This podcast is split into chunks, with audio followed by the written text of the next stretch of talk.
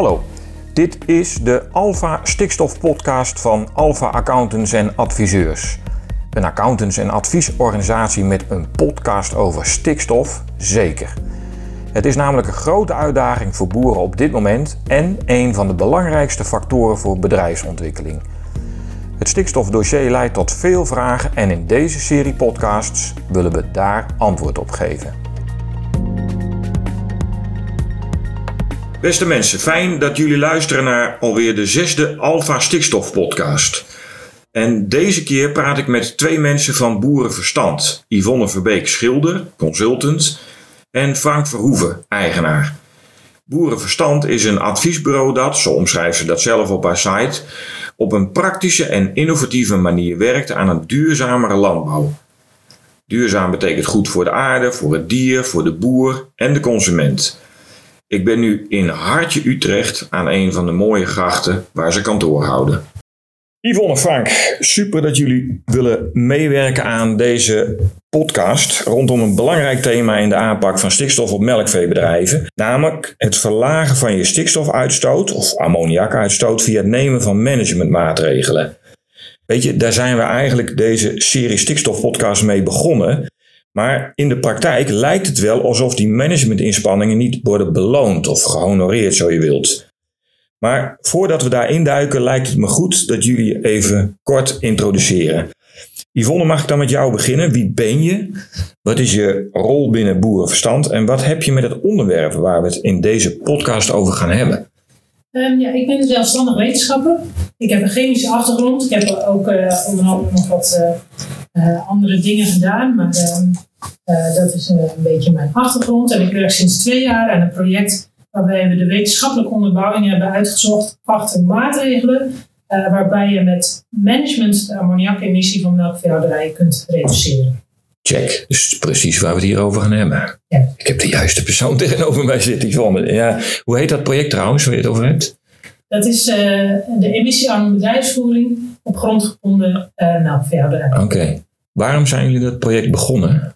Het is geïnitieerd door het netwerk Gronden, dus grondgebonden melkveehouderijen, in samenwerking met de Beur, Wageningen Universiteit. Mhm. De Universiteit Leiden uh, speelt er een rol in, met Jan-Willem Erisman.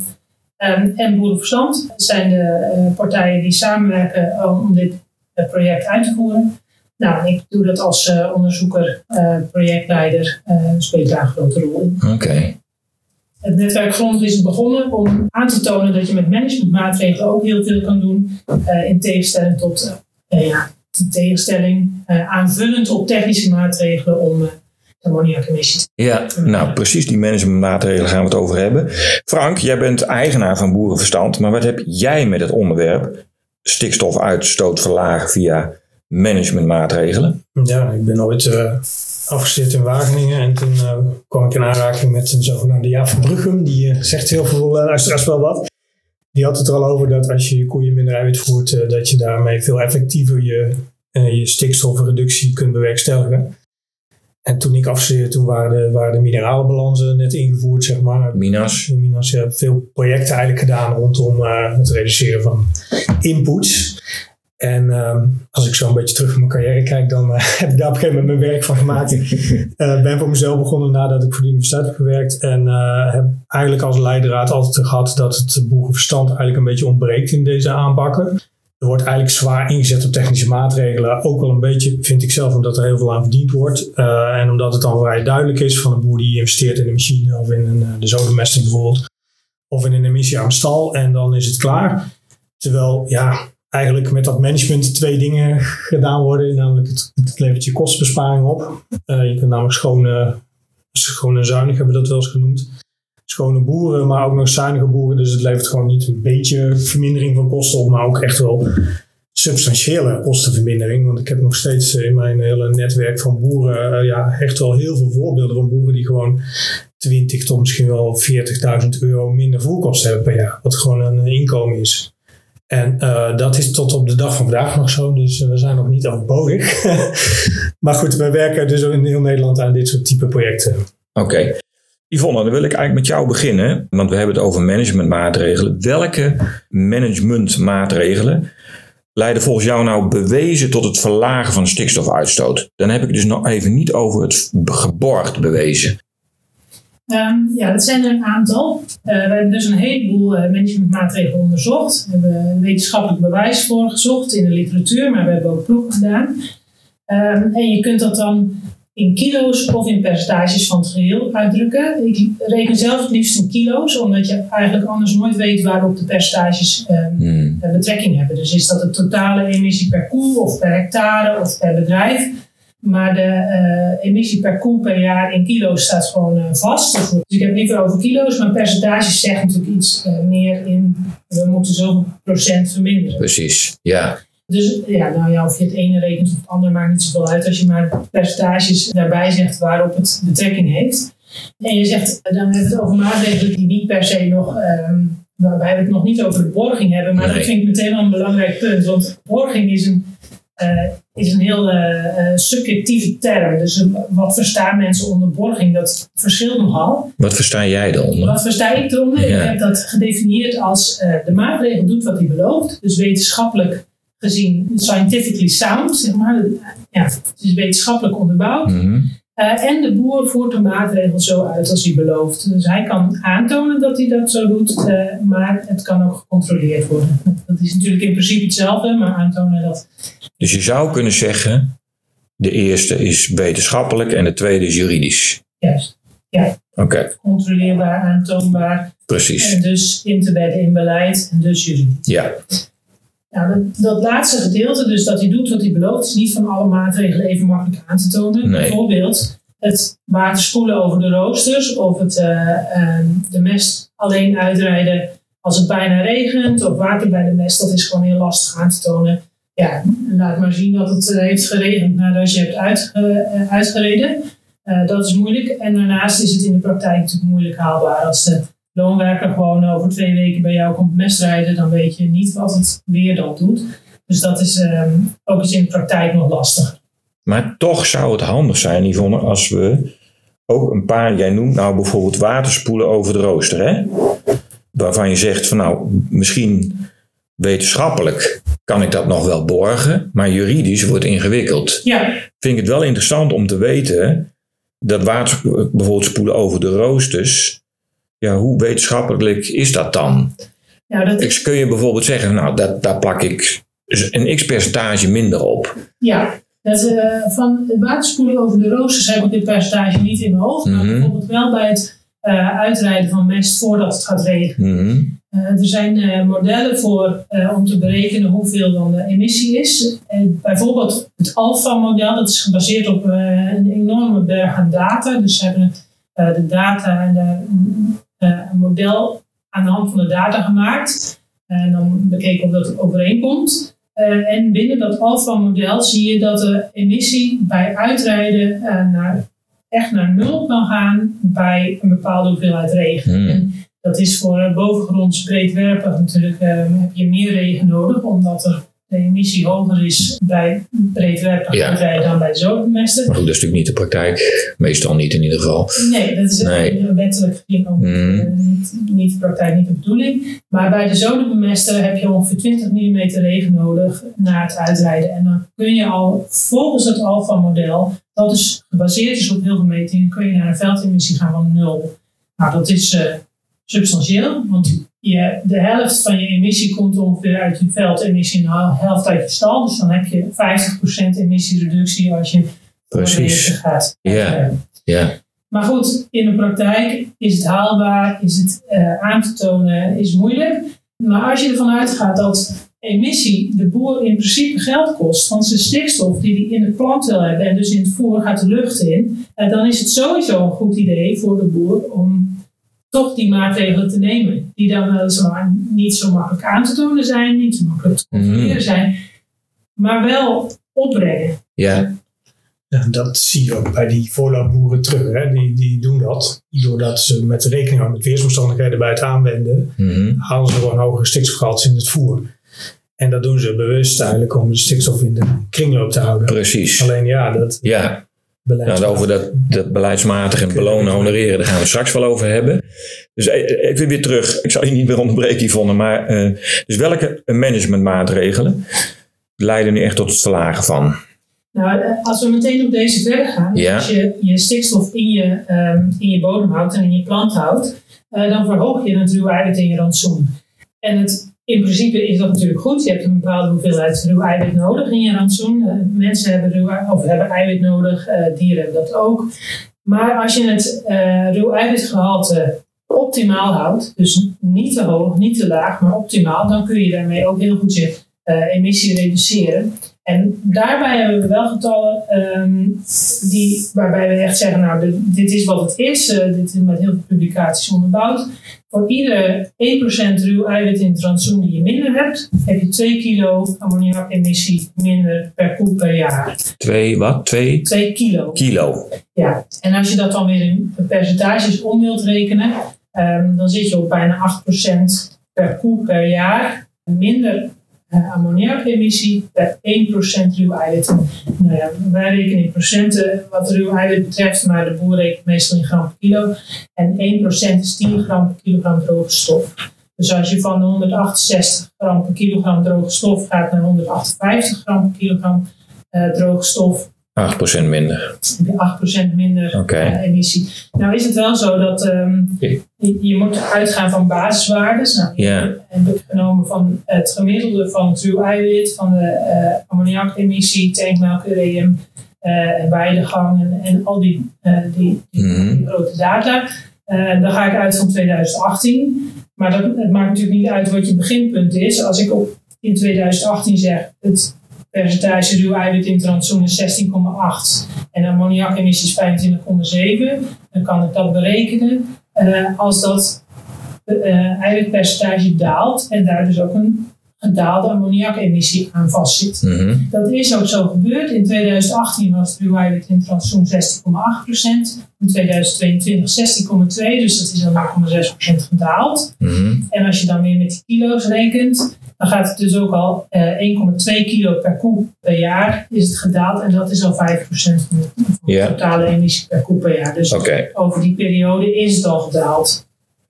Oké. Wat ik hier aan overhoud is dus per procent daling van ruw eiwit. En 1% is 10 gram, zei je. Mhm. Daalt je ammoniakemissie 2 kilo per jaar, per dier. Mhm. Eh, is de standaardnorm 13 kilogram ammoniak Dat is per liter? standaardmissie. En de Dus- oh, dat is de emissie 25,7 Ah, oké.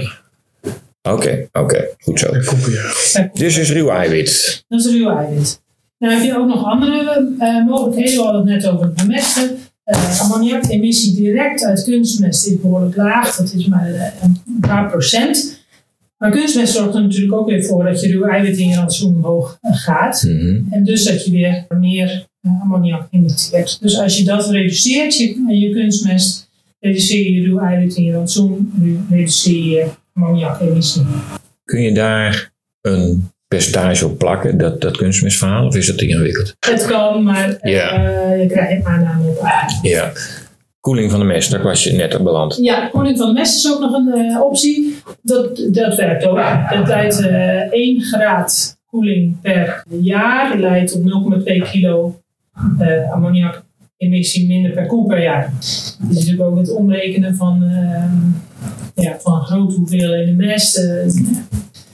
Ik weet niet hoe nauwkeurig zo'n getal is. Maar het doet zeker wat. Maar ehm, zeg ik er wel meteen bij, het is geen eh, management aanpassing. Nee, het is een technische aanpassing. Ja. Precies. Maar Ja. dat het wat doet, dat, eh, ja, dat is wel. Ja. Dat, dat is gemeten en dat blijkt. Je kunt ook de pH van de mest verlagen, Ja. eh, werkt ook. Maar daarbij eh, moet je ook een hoop doen, omdat die mest bufferend is. Dus komt Mhm. steeds weer terug naar een, zijn basis pH.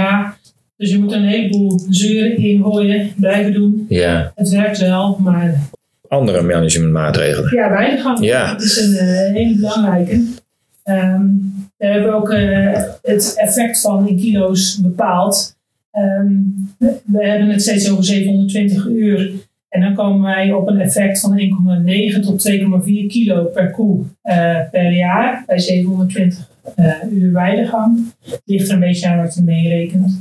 Als je eh, alleen meeneemt dat de poep en de urine niet bij elkaar komen, Mhm. waardoor er dus geen eh, ammoniak ontstaat uit de urea en de urine van de koe, dan kom je op een lager getal dan wanneer je ook meeneemt dat er dus ook die, uh, die mest, die, dat mengsel niet in de stal ligt en daar blijft emitteren de hele tijd uh, en uitgereden moet worden.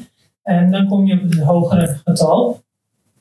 Um, maar als je dan naar de procenten kijkt, dan is die, uh, die getallen die ik net noemde, zijn 7 tot 9 procent uh, op de totale emissie per koe per jaar per 720 uur weidegang. Uh, nou, nu wordt het inderdaad, wat je al eerder zei, ingerekend in de RAF-code, dus 5% van 720 yeah. Um, ja, dat is uh, aan de veilige kant als je wat marges meeneemt van uh, de onzekerheid op zo'n getal wat je, mm -hmm. wat je meet. Dus 5% dat, dat klinkt best wel billig. Um, alleen je moet het wel gaan staffelen, want 1 keer 720 uur of uh, 3500 uur, dat is, dat is niet 5%. En, en dat telt op. 1 keer 720 uur is 7 tot 9 procent. Ja. Rekening 5 procent in, voor de RAF-code. Maar 2 keer 720 uur is wel 10 procent dan. De, want die mest die dan tijdens die 1400 uur niet in de stal valt, die, dat is dubbel zoveel. Dus die is dubbel zoveel uh, ammoniakemisiereductie. 1 keer 5 procent is niet voldoende. Ja, met andere woorden, jij zegt hoe langer weidegang. Hè, want nu gaat de regeling piekbelasters, daar ga ik het zo met jou even over hebben, Frank, gaat uit van 720 en dan plakken ze er 5% erop, die wat jij net zei. Maar als ik nou veel langer bij de gang toepas, dan is dat percentage toch hoger? Ja, dat gaat. De, ja, 720 uur zou ik 5% doen. Elke keer 5% erbij. Ja. Dus als ik van 720 naar 1440 ga, dan is het 10% ja. minder. Ja. En nog een keer 720 erbij, ja. ja. Oké. Okay. Precies. En, en dan als je uitgaat van die 5%, zit je echt aan de lage veilige kant. Mm -hmm. uh, ik zou zelfs nog zeggen dat het zeker wel 7% kan zijn. Dus, we hebben dus nu een aantal dingen bij de kop gehad, die vonden. Weidegang waren we net, dat is dus een hele belangrijke. Ja. De twee belangrijkste tot nog toe zijn ruw eiwit en weidegang. Ja. Nog meer? Ja, je kunt ook uh, kijken of je de levensduur van de koeien kunt verlengen, zodat Mhm. je minder jongvee hoeft aan te houden. Ja, En dan heb je dus minder emissie, want je hebt gewoon minder regen. zo simpel is het. Uh, en dus heb je emissiereductie. Maar ik denk dat, dat steeds het belangrijkste principe blijft. Uh, als er geen overmaat in stikstof de koe ingaat, zal de ammoniakemissie zo laag mogelijk zijn. Uh, met andere woorden, wat er niet in komt, komt er niet uit. Dus als je niet uh, te veel eiwit voert, heb je ook geen, niet te veel Ja. ammoniakemissie. Ja, Wat voor de luisteraar misschien wel interessant is, wat voor mij ook het kwartje altijd eh, gaat vallen, is dat het echt gaat over urine stikstof. Dus Ja. de pis, stikstof in de pis van de koe, daar gaat het allemaal om. En als dat er niet in zit, daar, dan komt het er niet uit. Maar als het er maar als het daar wel nog net zoveel is, dan kun je het wel een beetje uit elkaar proberen te houden en dat soort dingen. Maar in Mhm. principe komt het er ergens dan altijd uit. Ja, Of je nou eh, meteen eruit komt of later eruit uitrijden. Maar dus dat er niet in komt, komt er niet uit. Is Check. echt ja. heel, heel dat is eigenlijk ook wat jij zegt, Yvonne. Ja. Hebben wij nu de managementmaatregelen wel gehad? Aan welke knoppen ik kan draaien? hè? Ja, Oké, waarbij dus nogmaals de belangrijkste ruw eiwit in de rantsoen en weidegang is. Yes. En een beetje levensduur, kunstmest ehm, en water bij de mest. En, ik vind het wel grappig trouwens als je zegt, als je uitrijdt en je krijgt daarna 20 mm regen, is de uitstoot nul. volgens zo'n model, zo'n alfa is alfa model zoals je dat Maar noemde. Ik Ja, vind het alfa-model goed onderbouwd. ja Dus je, check. Ja, Ja, oké, goed. Frank, dan ga ik naar jou, want het is hartstikke mooi hoor, dat ik als melkvrouw aan die knoppen kan draaien. Maar het is hier net al genoemd, die regeling piekbelasters. Die zegt, nou, als je 720 uur weidegang hebt, min 5%. En als je ureumgetal wat lager is, dat is, zeg ik dat goed, Yvonne, gecorreleerd zou je kunnen zeggen aan ruw eiwit, hè? Dan eh, is het 10% minder. Maar hier hebben we het over veel hogere percentages die je kunt besparen. Ik heb er dus niks aan. Dus er zijn boeren die aan al die knoppen draaien. In de Gelderse Vallei bijvoorbeeld. Eh, die krijgen allemaal schouderklopjes. Eh er kunnen allemaal excursies die daar naartoe gaan. Maar als puntje bij paaltje komt, zijn ze gewoon piekbelaster. Terwijl als zij gaan rekenen binnen de Arius check met deze hogere percentages, dan zijn ze geen piekbelaster. Maar dus wat heb ik daar? Ja, nu dus te weinig. En dat is ook een van de redenen dat we de- deze onderzoek hebben lopen. En, maar misschien kan Yvonne dat aanvullen. Ik kom er ook nog niet helemaal achter waarom eh, we niet wat progressiever inderdaad dit, dit managementspoor zeg maar, verdedigen. Nou heeft die piekbelasting wel heel erg met de afstand uh, tot natuur te maken, helaas. Maar dat is wel, maar, en dat vinden we eigenlijk een beetje, als je naar de melkvaarderij kijkt, zeker de grondgebonden melkvaarderij is per definitie natuurlijk grondgebonden. Met andere woorden, je zou zeggen van wat is daar piek aan? Hè? Want dan denk ik vaak aan de stal bij een piekbelasting. Ja.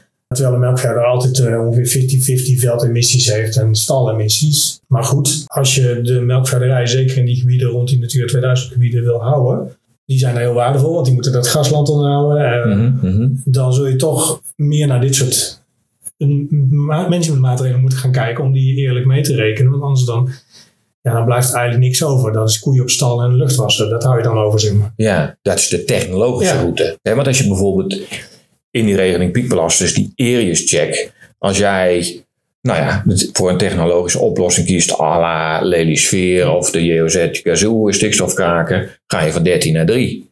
Nou, opgelost. Ja, wat He, dus ik heb tegen die grondgebonden. Wat is trouwens jouw definitie van grondgebonden melkveehouderij? Dat, dat, houden we altijd aan als geen fosfaatoverschot volgens de mestwetgeving. Als ik kies voor die technologische aanpassing, dan ga ik van 13 naar 3. Maar die echt grondgebonden melkveehouder zeggen, maar dat, is, dat wil ik niet. Nee, maar dat uh, want het is ook niet nodig. Nee. En, en, en, en, ik wil het ook niet. Dus er zit een sterke intrinsieke motivatie. Niet alleen dat, want ze zeggen ja, dan, dan blijf je ook. Dan moet ik een duur apparaat kopen. Dus dan moet ik weer gaan investeren. En, de, en dat is nou juist wat ik niet wil. Uh, maar hoe komt het, dat is eigenlijk mijn vraag, dat, dat die managementmaatregelen. dat die onvoldoende worden gehonoreerd. Wat zit daarachter? Wat denk je? Ja, ik ben absoluut niet van de complottheorie. Nee. Maar ik verdenk altijd wel, er is gewoon echt niks aan te verdienen. Niemand in dit land, behalve de boer, verdient Mhm. er iets aan managementmaatregelen. Kijk, behalve de boer zelf natuurlijk. Ja. Maar er is geen loonwerker, daar kunt er geen JOZ van, eh, van betalen, van spreken. Maar je- Mhm. Al die, die lobby die daarachter komt van bijvoorbeeld een, eh, een, een- nou dat was al met de emissie aan stal en zo, maar dat is ook met allerlei technologieën rond de sodemesten. Ja. Op een gegeven moment komt, eh, zit Cumula aan eh, tafel bij LNV en die lobbyt ook mee. We hebben zoveel geïnvesteerd in die sodemesten, dus we gaan toch niet zeggen nu dat de managementmaatregelen zomaar toegestaan worden. Nee. Dus er zit ook een echt, er is gewoon een afslag genomen in dit land ooit voor technologie. Zeker, ja. En het is heel moeilijk nu om te zeggen van eh, hoe gaan we dat anders inrichten. Ja. En toch staan we wel op dat punt nu Ja. dat je wil eigenlijk, ja, je kunt het natuur inclusief noemen of je weet ik hoe je dat wil noemen, maar Ja. de boeren die willen gewoon niet dat spoor op. Nee, En die hebben een alternatief nodig en dat is precies wat we nu ontwikkelen. ja. En daar moeten we, en, en dat is toch een beetje roeien tegen de, tegen de stroom in. Want je merkt gewoon dat er heel weinig belang is om dit soort onderzoeken dan te financieren, om daarmee aan de gang te gaan. En, eh, Maar Yvonne, als je daar met een zeg maar, nou, wat meer wetenschappelijk oog naar kijkt. Nou, even naar die definitie van borging waar jij het over had. Hè? Dus wetenschappelijk, maar ook juridisch. Hè? We zeggen nu, je kunt twee dingen doen. Dat, dan kun je echt substantiële verlagingen realiseren. Dus weidegang, 3500 uur. Maar goed, dat hoeft niet meteen een 3500 uur. Maar elke 720 uur is, nou je zegt niet 5%, maar eigenlijk 7%. Dan zit je nog best aan de veilige kant. En ruw eiwit. Hoe kun je dat nou echt goed borgen dan? Nou, ik denk dat de weidegangborg is natuurlijk niet zo heel lastig. Er zijn nu al methoden om dat eh, aan te tonen hoeveel je koeien buiten lopen. Maar ik denk dat er wel eh luisteraars zijn die bij bedrijven werken waarbij ze ochtends moeten inklokken met een pasje en eh s'avonds weer weg. En dan wordt er gezegd dat is niet om je uren bij te houden, maar eh, voor de brandweer. Als er brand is, Ja. dan weten we hoeveel mensen er binnen zijn. Tuurlijk. Maar Tuurlijk. dat is met koeien natuurlijk net zo. Ja, Al die koeien die hebben een chip of een transponder of wat dan ook. Eh, er is een poortje waarbij ze naar buiten kunnen en, en daar wordt gewoon geregistreerd welke koe komt er langs. Ja. Dus dat is, een- moet een hele makkelijke technologie zijn. Het schijnt ook al beschikbaar te zijn, maar eh, ehm, het schijnt duur te zijn voor de boer om te investeren. Mhm. 25.000 euro, dus dat vind ik een hoop geld. Maar een emissiearme vloer is duurder. benieuwd.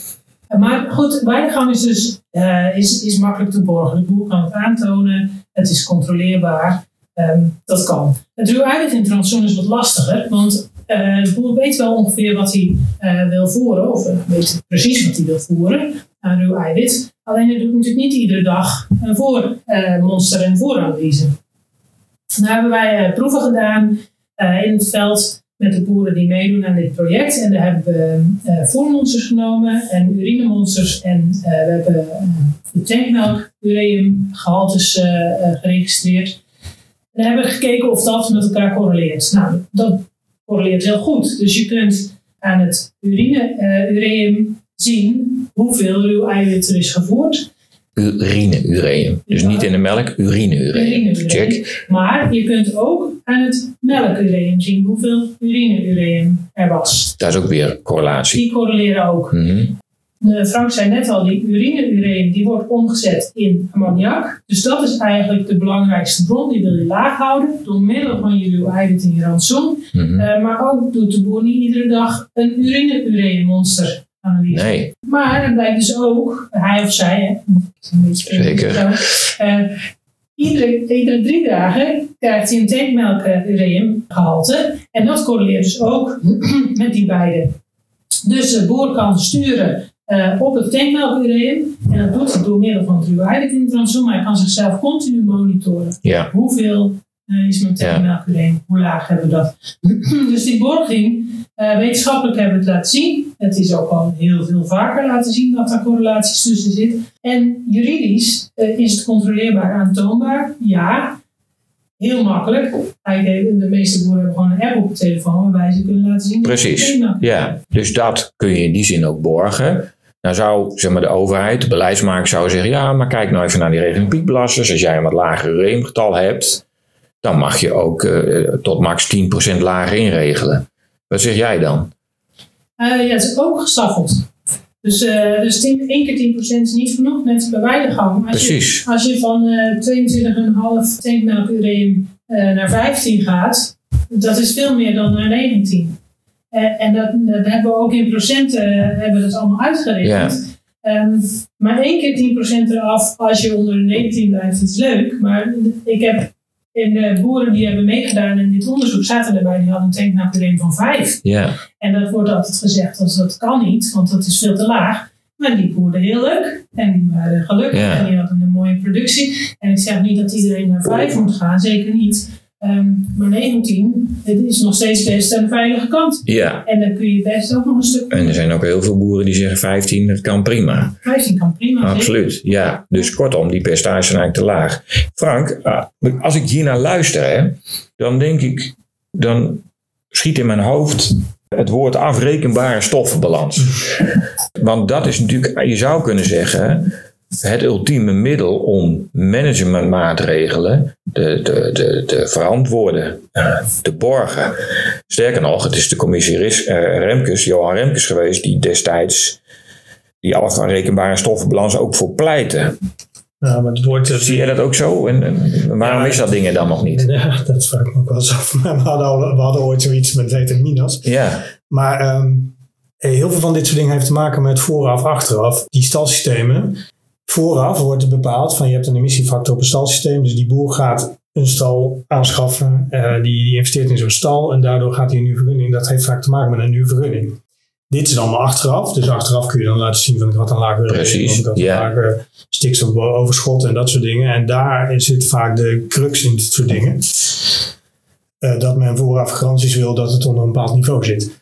Maar we zitten wel in een. Ja, we hebben gewoon te maken met een bedrijfssysteem wat inderdaad achteraf te controleren is. En je zou kunnen zeggen van als je een combinatie nog maakt van die stoffenbalans, een laag stikstofoverschot plus het ureum, ja gemiddeld, mhm. dan ja, hoeveel borging heb je dan nodig zou je zeggen. Want dan weet je heel zeker eigenlijk dat, dat die boer onder een bepaald niveau is gebleven. Dus een combinatie van het ruwuitgehalte, nou ik zou zeggen een combinatie van die stoffenbalans en dat ureum, dat is heel kansrijk denk ik. Want de kringloopwijzer ruw-eiwitgehaltes, die Ja. zijn afhankelijk van kuilmonsters.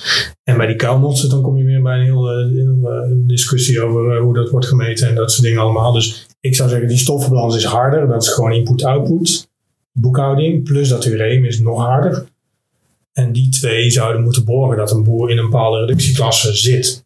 En ja, ik zou ook zeggen van dat, dat is toch, je hebt te maken met natuurlijke systemen. Eh, je moet eigenlijk ook naar drie jaar gemiddeldes toe. Even een beetje eerlijk allemaal, eh, allemaal doen. Maar het ligt er allemaal wel. We meten ongelooflijk veel in die landbouw. Alleen, ja, het zit op een ander niveau dan een sensor bij wijze van spreken. Dit zit op het niveau van de boekhouding eigenlijk. ja. En dat is toch iets anders dan dat je zegt van we gaan continu meten eh, en wat, wat ook sommige mensen bepleiten. Dus dat spoor wat wij bepleiten is toch meer kijk naar die boekhouding kijk naar dat tankmelkureum en, en, en, en de weidegang. En Maar als jij zegt, kijk naar die boekhouding, lees stoffenbalans. En dan moeten we even goed definiëren, wat verstaan we dan onder een stoffenbalans? Jij zo noemt input-output. eh, Ja, alle input van krachtvoer en kunstmest, eh, bijproducten en alle output van melk, vlees, ruwvoer, alles wat verkocht wordt. En die stoffenbalans, die, ja, ik vind het nog altijd wel leuk, want ik ben ooit mijn carrière begonnen natuurlijk met een stoffenbalans. zeg maar. ja. Eh, dus er gaat iets over de dam. Hè. Alles wat over de dam gaat, dat registreer je. Eh, dus zowel wat erin komt als wat eruit gaat. Ja, ja. Nou kunnen luisteraars dat niet zien, maar ik zie het wel, eh, Frank. Maar misschien kun je onder woorden brengen wat ik zie. Dus namelijk een schema, want volgens mij is dit waar we nu zijn aanbeland. Stofbalans, input, output. Probeer eens in woorden uit te leggen wat nou jouw punt is als het hier om gaat. Ja, je hebt een CBS-data, die houdt bij ook nationaal wat er aan input en output in de Nederlandse landbouw gaat. Mhm.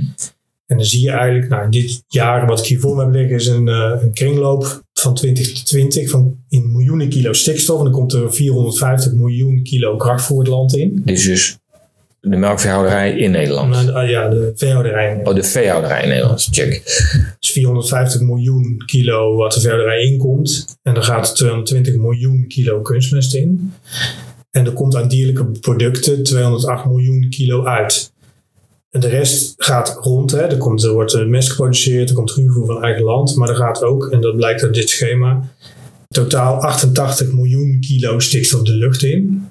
En 219 miljoen kilo de bodem in. Oftewel, dat zijn bodem en Precies. luchtverlies. Nou, dat, die luchtverliezen, de, de, de ammoniakverliezen hebben we altijd opgelost met emissiearme stallen en met emissiearme mestaanwending. Voor de rest hebben we natuurlijk het mestbeleid, maar deze nationale stikstofbalans die is helemaal niet zoveel veranderd de laatste tijd. En als we nu, Siert de Groot heeft daar een handje voor, die zegt dan halvering veestapel. Nou, Mhm. mijn pleidooi is altijd halveer nou die inputs. Als we nou die 415 miljoen kilo krachtvoer zouden halveren in dit stroomschema, dan halveren we daarmee ook de verliezen, zowel naar bodem als lucht. Maar het zet de boer ook op het spoor, precies waar we nu net over hadden, Precies. om minder eiwit te gaan voeren en om meer eiwit van eigen land te benutten. Ja. Dus zowel de krachtvoerkraan en de kunstmestkraan zoveel mogelijk dicht te houden als eh, proberen het voereiwit beter te benutten. Oké, dit, is, dit is dan een belangrijk plaatje voor de luisteraars, zou ik willen zeggen. Dit plaatje gaan we afdrukken bij een verhaal wat je ook kunt zien op de site van Alpha eh, Accountants. Maar Yvonne, je zou ook kunnen zeggen, waarom doen we zo moeilijk? Je kunt toch ook gewoon als melkveehouder dan wel voor de technologische weg kiezen. En ik koop dan een duur apparaat, dan is het probleem opgelost. En er zijn ook veel boeren die zeggen, die zijn, waarom? Dat kan toch prima? Kan toch ook prima, of niet? Ehm, nou, ja, je kunt kiezen voor de technologische weg, maar ehm, de, bijvoorbeeld, we hebben, we hebben het dan over emissiearme vloeren en over luchtwassers.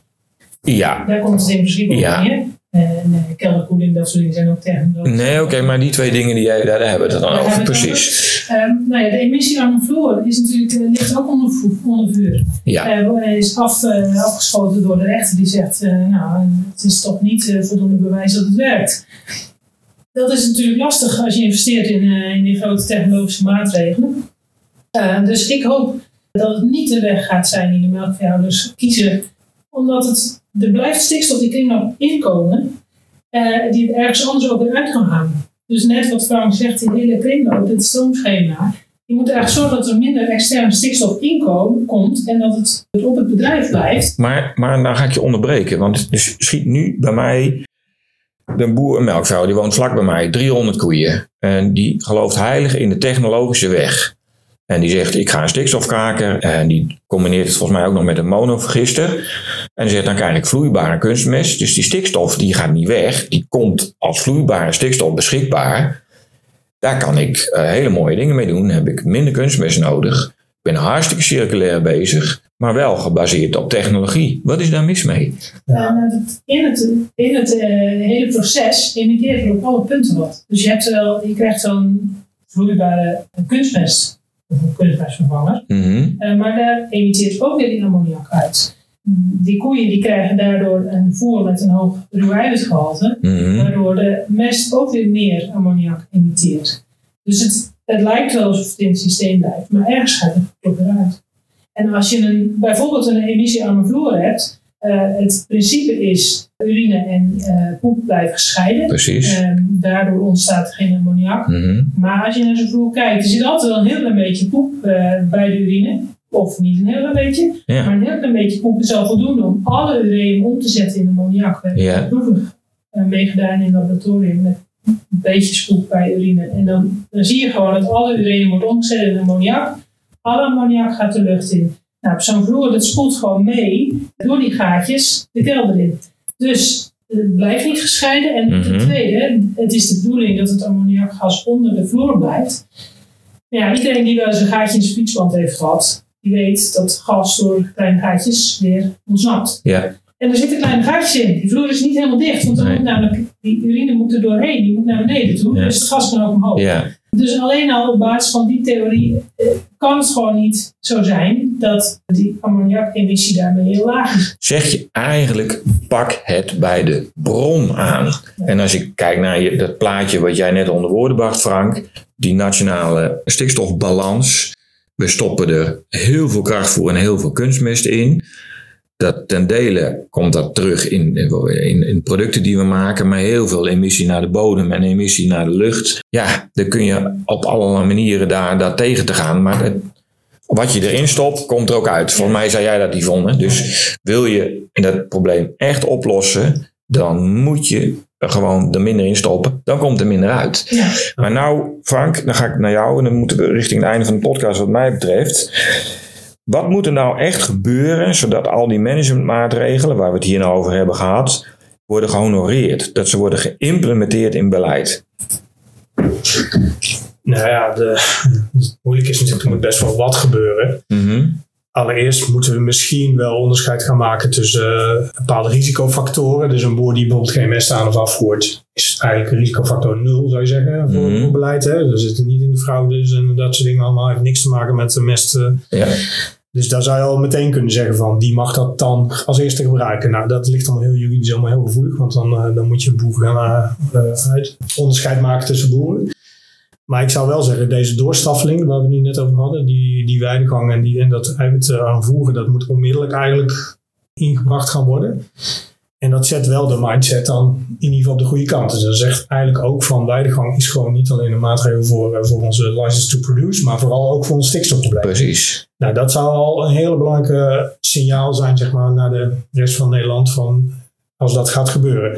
Dus het heeft, een, het heeft meerdere kanten. Wetenschappelijk is het volgens mij voldoende bewezen. Het, maar het heeft ook een, een belangrijke kant op van we willen die kant op met die veehouderij. Want we willen niet naar dat stalsysteem met een luchtwasser. Mhm. We willen in ieder geval dat het die keuzemogelijkheid blijft.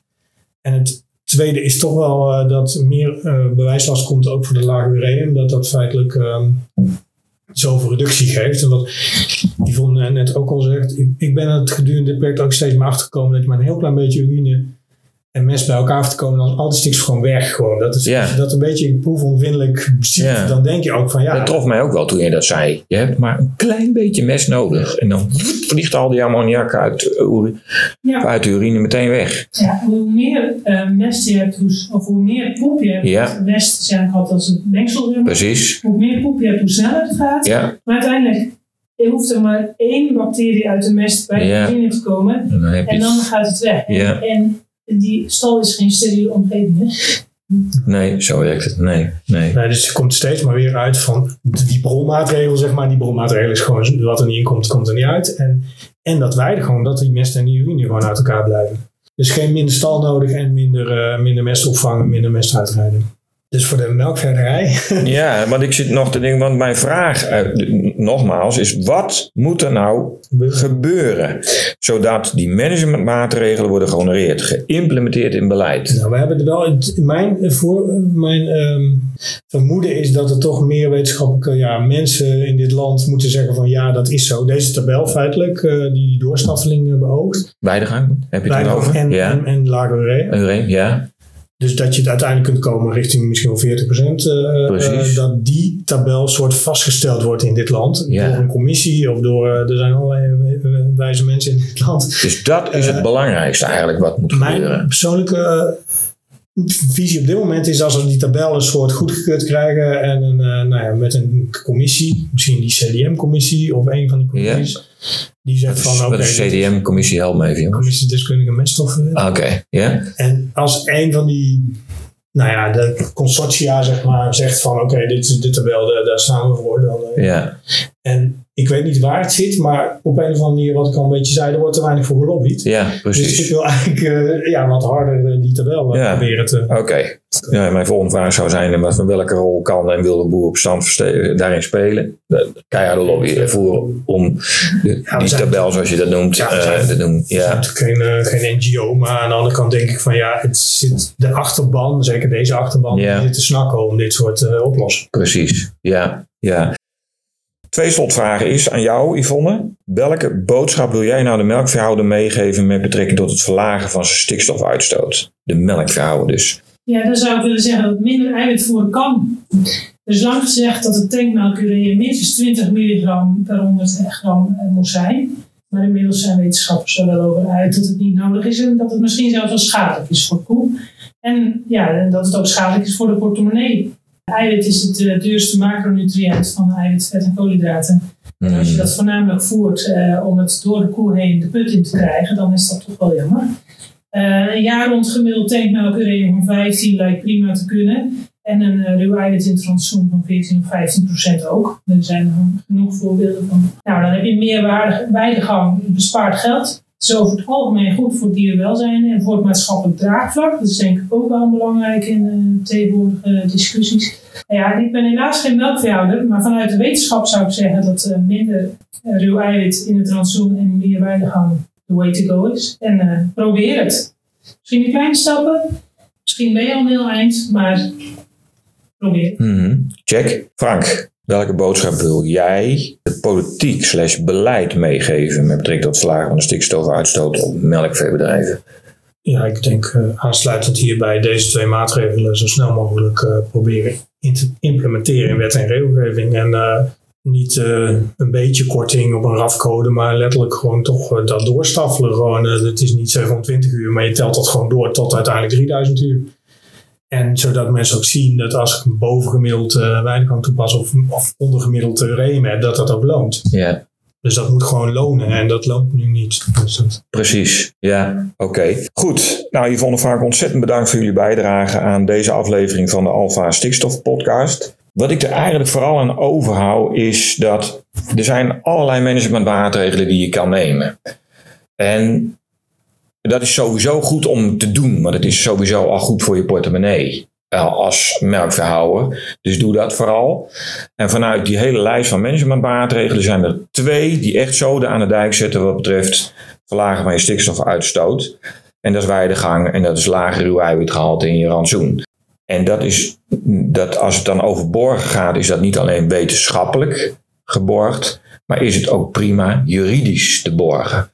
Dus ja, jouw slotopmerking is eigenlijk ook, denk ik, inderdaad een mooie slotopmerking, Frank. Namelijk als we, jij noemt dat die tabel, hè, dus die twee managementmaatregelen en de percentages uh, die daaraan hangen ja, als we die nou echt geborgd krijgen en geïmplementeerd in het beleid, dan zou dat al een hele stap voorwaarts zijn. Maar los van dat proces is het überhaupt goed om te werken aan een, meer vanuit de kringloop te werken. Mag ik dat zo zeggen? Ja, maar ook ja. dit, dit, deze hele focus op mm -hmm. zo'n uh, grote kringloop, ja. dat zou het nationale beleid ook moeten hebben. Ja. Want als je nou toetst of jouw stikstofbeleid überhaupt zin heeft gehad in al die jaren, dan zou ik uh, naar deze tabel kijken. Ja. Naar de input en output kijken in Nederland. Ja. En dan moet je ook maar eens durven te concluderen dat, het, uh, dat dit misschien wel effectiever is om, om uiteindelijk je input te gaan nemen. Ja, helder. Goed.